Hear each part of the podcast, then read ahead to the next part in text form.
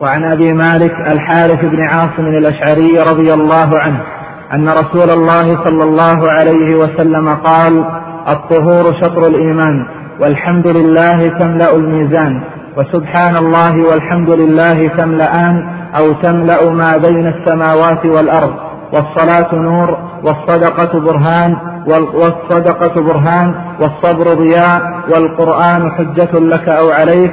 كل الناس يغدو فبائع نفسه فمعتقها أو موبقها. رواه مسلم. هذا الحديث وهو الحديث الثالث والعشرون حديث عظيم جدا وألفاظه جوامع كلم للمصطفى عليه الصلاة والسلام وهو من الأحاديث التي تهز النفس وتدخل القلب بلا استئذان يعني أن فيه ما يرفق القلب ويحمل على الطاعة بتأثيره على كل نفس وألفاظه تدل عليه قد قال عليه الصلاة والسلام فيه الطهور شطر الإيمان. والحمد لله تملأ الميزان. وسبحان الله والحمد لله تملأان أو قال تملأ ما بين السماء والأرض. والصلاة نور والصدقة برهان والصبر ضياء. والقرآن حجة لك أو عليك. كل الناس يغدو فبائع نفسه فمعتقها أو موبقها. وهذه ألفاظ عظيمة للغاية واشتملت على أحكام كثيرة ووصايا عظيمة دخلت في أبواب كثيرة من أبواب الدين.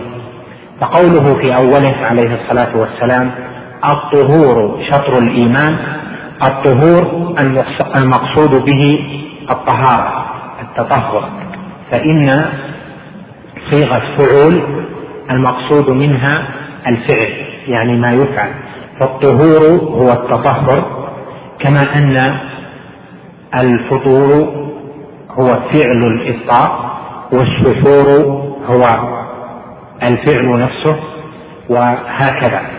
بخلاف الطهور بالفتح فإنه ما يتطهر به يعني الماء يسمى طهور وأكلة السحر تسمى سحور بالفتح. والفطور يسمى فطور بالفتح إذا كان المراد ال... الذي يؤكل. أما الفعل نفسه فهو طهور للطهارة وسحور للتسحر وهكذا. فقوله عليه الصلاة والسلام هنا الطهور يعني التطهر. وهذا اختلف فيه العلماء على قولين. الأول أن المراد بالطهور هنا التطهر من النجاسات المعنوية أو مما ينجس القلب والروح والجوارح من الشرك والرياء وفعل المحرمات وترك الواجبات وأشبه ذلك. وهذا أخذوه من قول الله جل وعلا وثيابك فطهر على أحد تفسيرين. فإن التطهير هنا فسر بأن المقصود به تطهير من الشرك والنجاسات المعنوية. وفسر أيضا قوله جل وعلا إنهم أناس يتطهرون بالامتناع عن فعل الفاحشة وهذا التفسير له مأخذه من القرآن وظاهر دليله من أن الطهارة هنا المقصود منها طهارة القلب وطهارة الجوارح واللسان من المحرمات أو من ترك الواجبات. وكونها على هذا المعنى شطر الإيمان لأن الطهارة ترك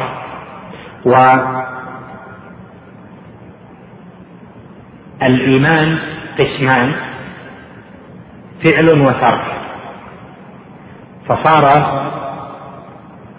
الطهارة بالمعنى هذا شطر الإيمان يعني نصفه لأنه إما أن تترك أو تفعل. فإذا طهرت نفسك وجوارحك يعني جعلتها طاهرة مما حرم الله جل وعلا في القلب واللسان والجوارح فقد أتيت بما هو نصف الإيمان وهو الترك فيبقى الأمر. وهنا نقول لماذا نبه على الترك ولم ينبه على الفعل؟ وهو الاتيان بالواجبات. الجواب أن الترك أعظم فان ترك المحرمات أعظم من الإتيان بالواجبات. لهذا تجد أن كثيرين يأتون بالواجبات ولا يصبرون عن المحرمات. نسال الله العافية والسلامة. ومن يترك المحرمات فإنه يسهل عليه أن يأتي بالواجبات. الوجه الثاني من كلام أهل العلم يعني التفسير الثاني أن الطهور هنا المقصود به الطهارة بالماء أو بما هو بدل الماء والطهارة تكون طهارة كبرى أو صغرى يعني غسل الجنابه أو غسل المرأة من الحيض والنفاس أو الطهارة الصغرى بالتطهر للصلاة. وهنا جعلها شطر الإيمان لأن الله جل وعلا جعل الصلاة إيمانا. فقال جل وعلا وما كان الله ليضيع إيمانكم. يعني صلاتكم حين توجهوا إلى القبلة بعد بيت المقدس. فقال طائفة من المسلمين كيف بأمر الذين صلوا إلى بيت المقدس ولم يدركوا الصلاة إلى الكعبة؟ فأنزل الله جل وعلا قوله وما كان الله ليضيع إيمانكم يعني صلاتكم والصلاة مفتاحها التطهر فإنها لا تصح إلا بالطهارة.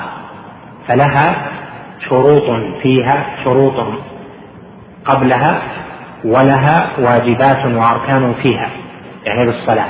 فما قبلها أعظمه في فعل العبد الطهارة. فصارت شطرا بهذا الاعتبار. فيكون إذا قوله الطهور شطر الإيمان يعني التطهر شطر الإيمان الذي هو الصلاة لأن الصلاة رأس أعمال الإيمان.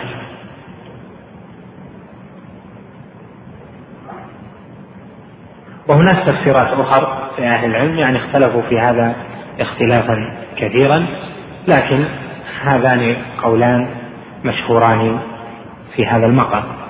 قال عليه الصلاة والسلام والحمد لله تملأ الميزان.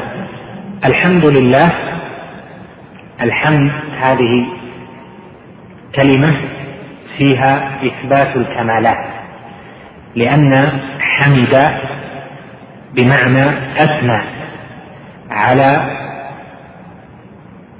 غيره بما فيه من صفات الكمال.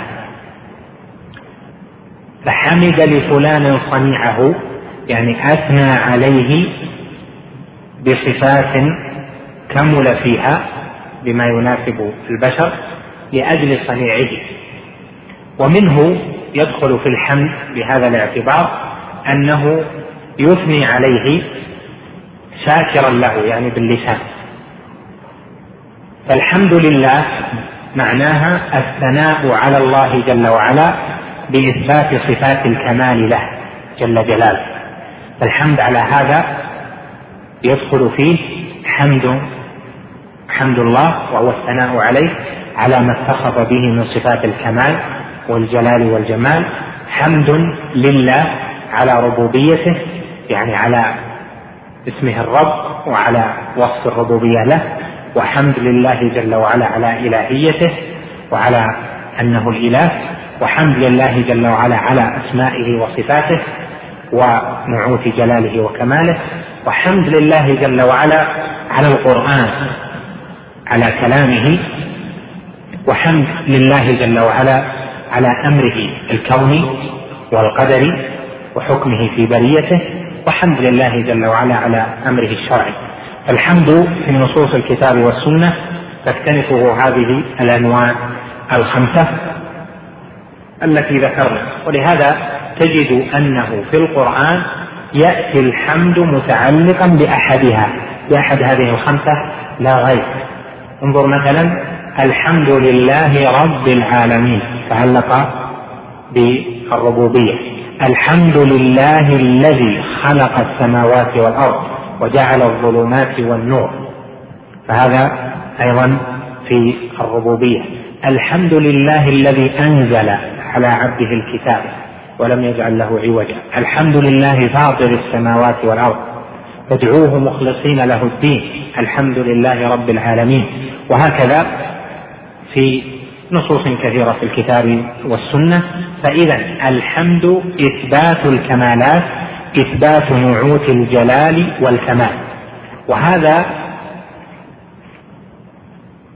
مستغرق فيه جميع الأنواع لله جل وعلا لأن كلمة ال هذه الحمد لله ال التي تسبق حمد هذه للاستغراق.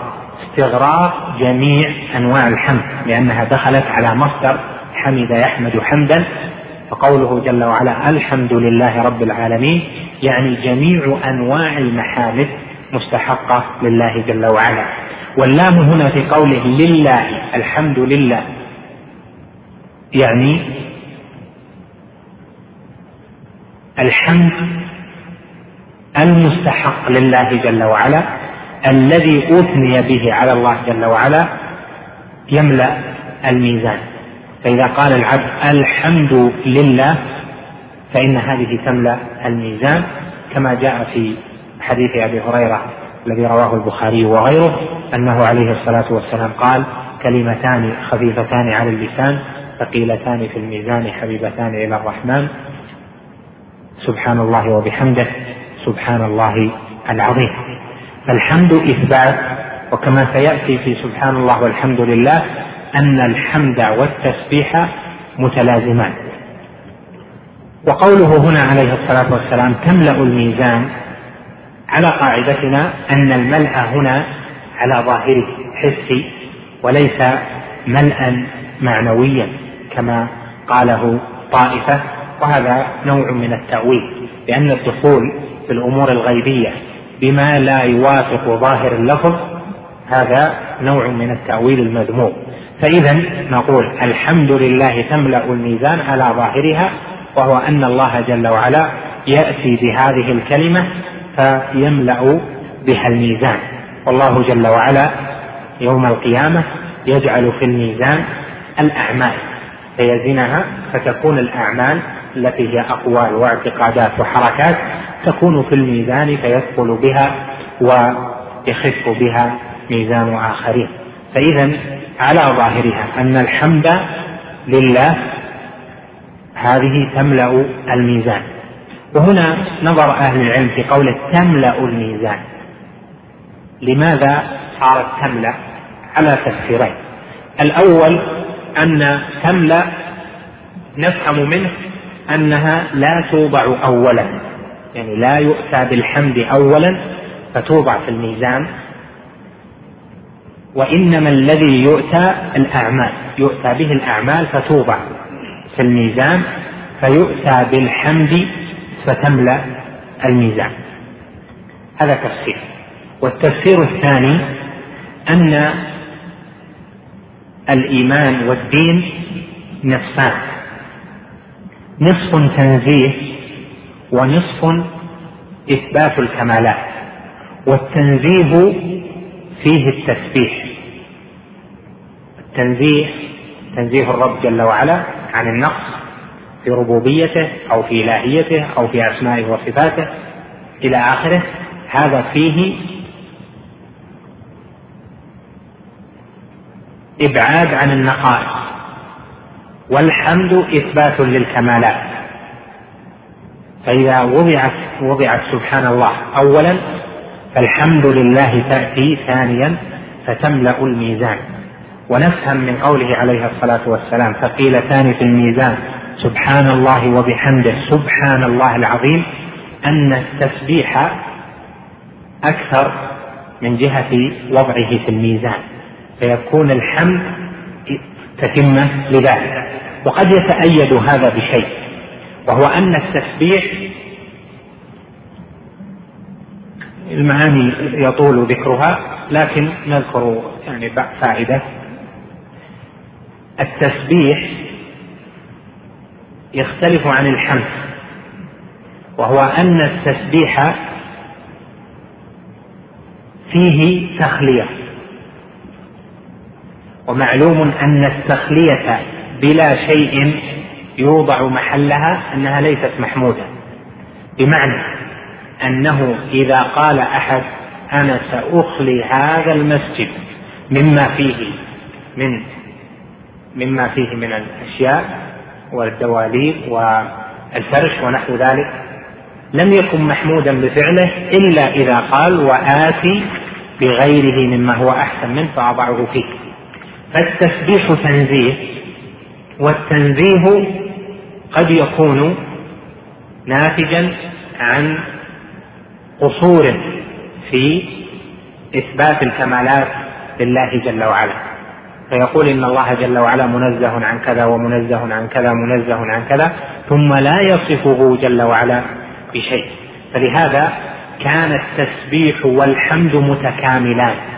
فالتسبيح تخلية والحمد بالنسبة للقلب تحلية. والتخلية تسبق التحلية كما هو مقرر في علوم البلاغة فإذا جاء التسبيح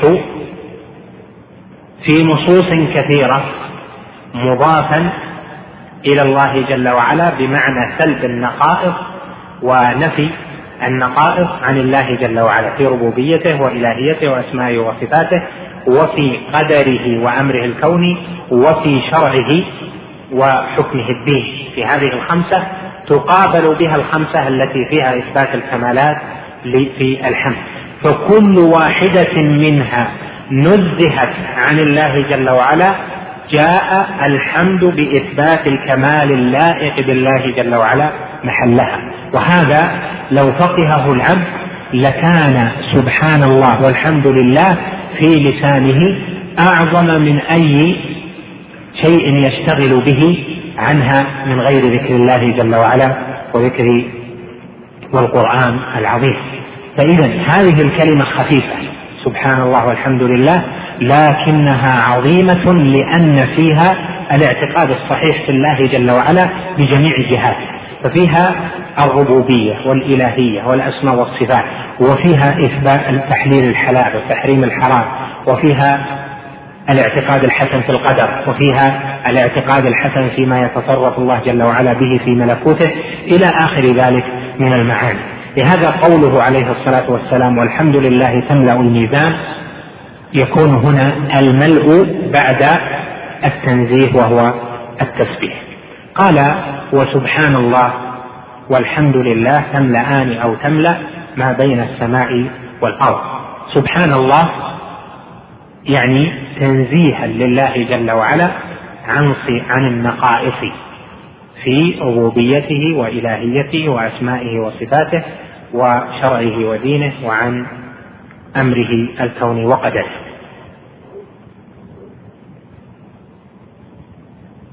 والحمد لله إثبات الكمالات لله جل وعلا. فهما متكاملان. قال تملأ أو قال تملأان ما بين السماء والأرض. إذا كان اللفظ تملأان فكل واحدة على اعتبار. وإذا كان اللفظ المحفوظ تملأ وهو الأظهر تملأ ما بين السماء والأرض فإن سبحان الله والحمد لله كلمة واحدة لأن مدلولها واحد وهو كما ذكرنا التنزيه والإثبات. قوله تملأ ما بين السماء والأرض ما المقصود بذلك؟ إذا أطلق لفظ السماء هنا فالمقصود به السماء الدنيا والسماء تطلق في النصوص ويراد بها العلو بعامة. ألم تر كيف ضرب الله مثلا كلمة طيبة كشجرة طيبة أصلها ثابت وفرعها في السماء يعني في العلو. أأمنتم من في السماء؟ يعني من في العلو وهكذا. فإذا أطلق لفظ السماء وحده يعني بلا السماوات مفرد فإنه قد يراد به العلو وقد يراد به واحدة السماوات وهي السماء الدنيا وخاصة إذا جعل أو قوبل بالأرض.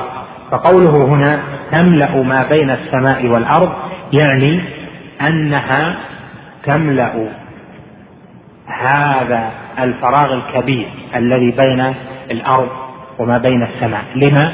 لعظم هذه الكلمة ولمحبة الله جل وعلا لها ولحمل الملائكة لها تقربا إلى الله جل وعلا.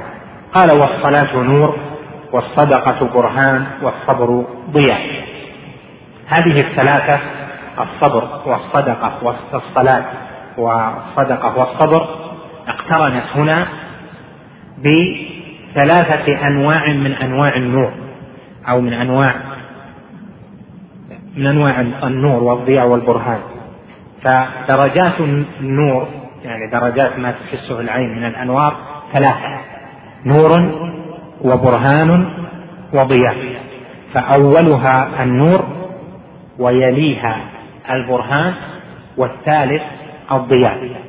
فالقمر نور وجعل القمر فيهن نورا. جعل الشمس سراجا والقمر نورا فالقمر يوصف بأنه نور وهو الذي يعطي الإضاءة بلا إشعاع يعني بلا إشعاع محسوس. والبرهان أشعة بلا حرارة أعظم درجة من النور وأقل درجة من الضياء. وأما الضياء فهو النور الشديد نور مسلط شديد يكون معه حرارة. فهذه ثلاث مراتب من أنواع الأضواء. وإذا نظرت لذلك وجدت قوله عليه الصلاة والسلام هنا والصلاة نور والصدقة برهان والصبر ضياء مرتب على أجمل ما يكون من الترتيب. فإن الصلاة سبقت الصدقة ولهذا سبق النور البرهان.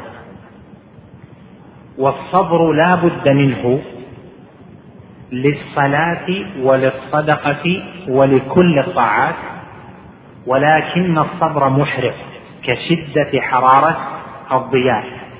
فالضياء نور قوي فيه حرارة ونوع إحراق.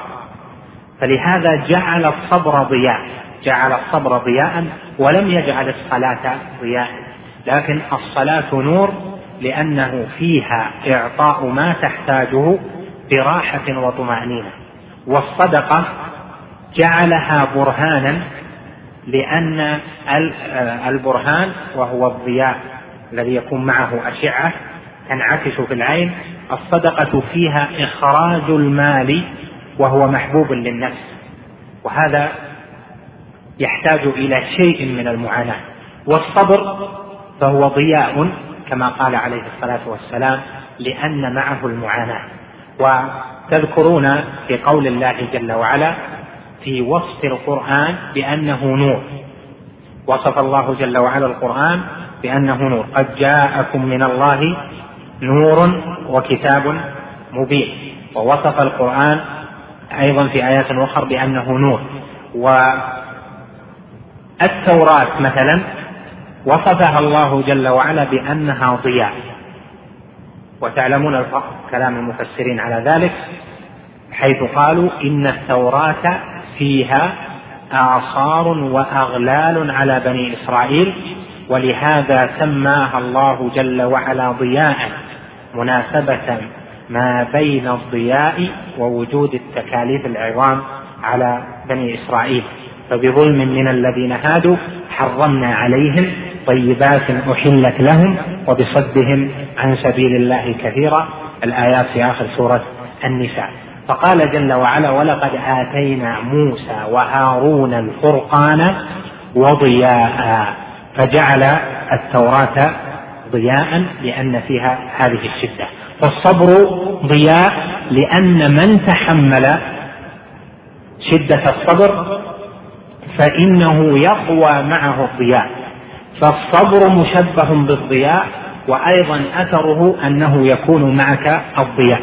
وهذه الثلاثة أنت محتاج إليها يوم القيامة.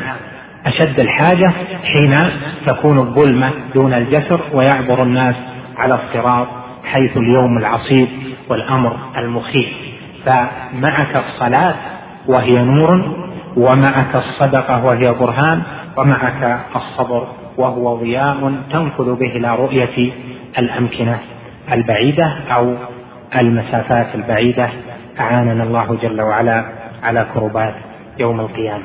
بهذا يظهر لك عظم قول المصطفى صلى الله عليه وسلم وجوامع كلمه عليه الصلاة والسلام. والصبر كما هو معلوم ثلاثة أنواع صبر على الطاعة وصبر عن المعصية وصبر على أقدار الله المؤلمة والصبر هو الحبس. يعني حبس الجوارح والقلب على الطاعات وحبسها عن المعاصي. انتهى الوجه الأول. فضلا اقلب الشريط لمتابعة ما تبقى على الوجه الثاني. طاعة وصبر عن المعصية وصبر على أقدار الله المؤلمة والصبر هو الحبس. يعني حبس الجوارح والقلب على الطاعات وحبسها عن المعاصي وحبسها على الرضا بأقدار الله جل وعلا المؤلمة. والكلام في تفاصيل الصبر تأخذونه من شرح كتاب التوحيد أو من مضامينه قد ذكرناه مرارا لأن فيه تفاصيل يطول المقام ببسطها قال والقرآن حجة لك أو حجة عليك. القرآن حجة لك إذا تلوته حق تلاوته بمعنى تلوته فآمنت بمتشابهه وعملت بمحكمه وأحللت حلاله وحرمت حرامه. أو عليك حيث يقودك القرآن يوم القيامة فيزج بمن قرأه فخالف ما دل عليه. من حق الله جل وعلا إن لم يغفر الله جل وعلا ويصفح فيزج بصاحبه إلى النار. القرآن إما لك أو عليك. فطوبى لمن كان القرآن حجة له. وقوله عليه الصلاة والسلام حجة لك أي يحاج لك. وهذا جاء في أحاديث أخر كقوله عليه الصلاة والسلام تأتي يؤتى بالقرآن يوم القيامة تقدمه سورة البقرة وآل عمران كأنهما فرق كأنهما غمامتان أو قال غيايتان أو فرقان من طير صواب تحاجان عن صاحبها. فالقرآن حجة لك أو عليك. فلهذا يعظم القرآن عند من عمل به. ويضعف القرآن عند من تركه تلاوة وعملا. كل الناس يغدو الغدو هو السير في أول الصباح والرواح الرجوع في آخر النهار. قال كل الناس يغدو يعني صباحا. فبائع نفسه فمعتقها. بائع نفسه فمعتقها يعني لله جل وعلا باع نفسه فلم يسلط عليها هوى الهوى ولم يتعبد أو يعبدها للشيطان بل جعلها على ما يحب الله جل وعلا ويرضى فأعتقها ذلك اليوم. قال أو موبقها بأنه غدا فعمل بما لم يرضي الله جل وعلا فخسر ذلك. نختم بهذا الحديث وأسأل الله جل وعلا أن يعلمني وإياكم العلم النافع وأن يمن علينا بالعمل الصالح وأن يهيئ لنا من أمرنا رشدا.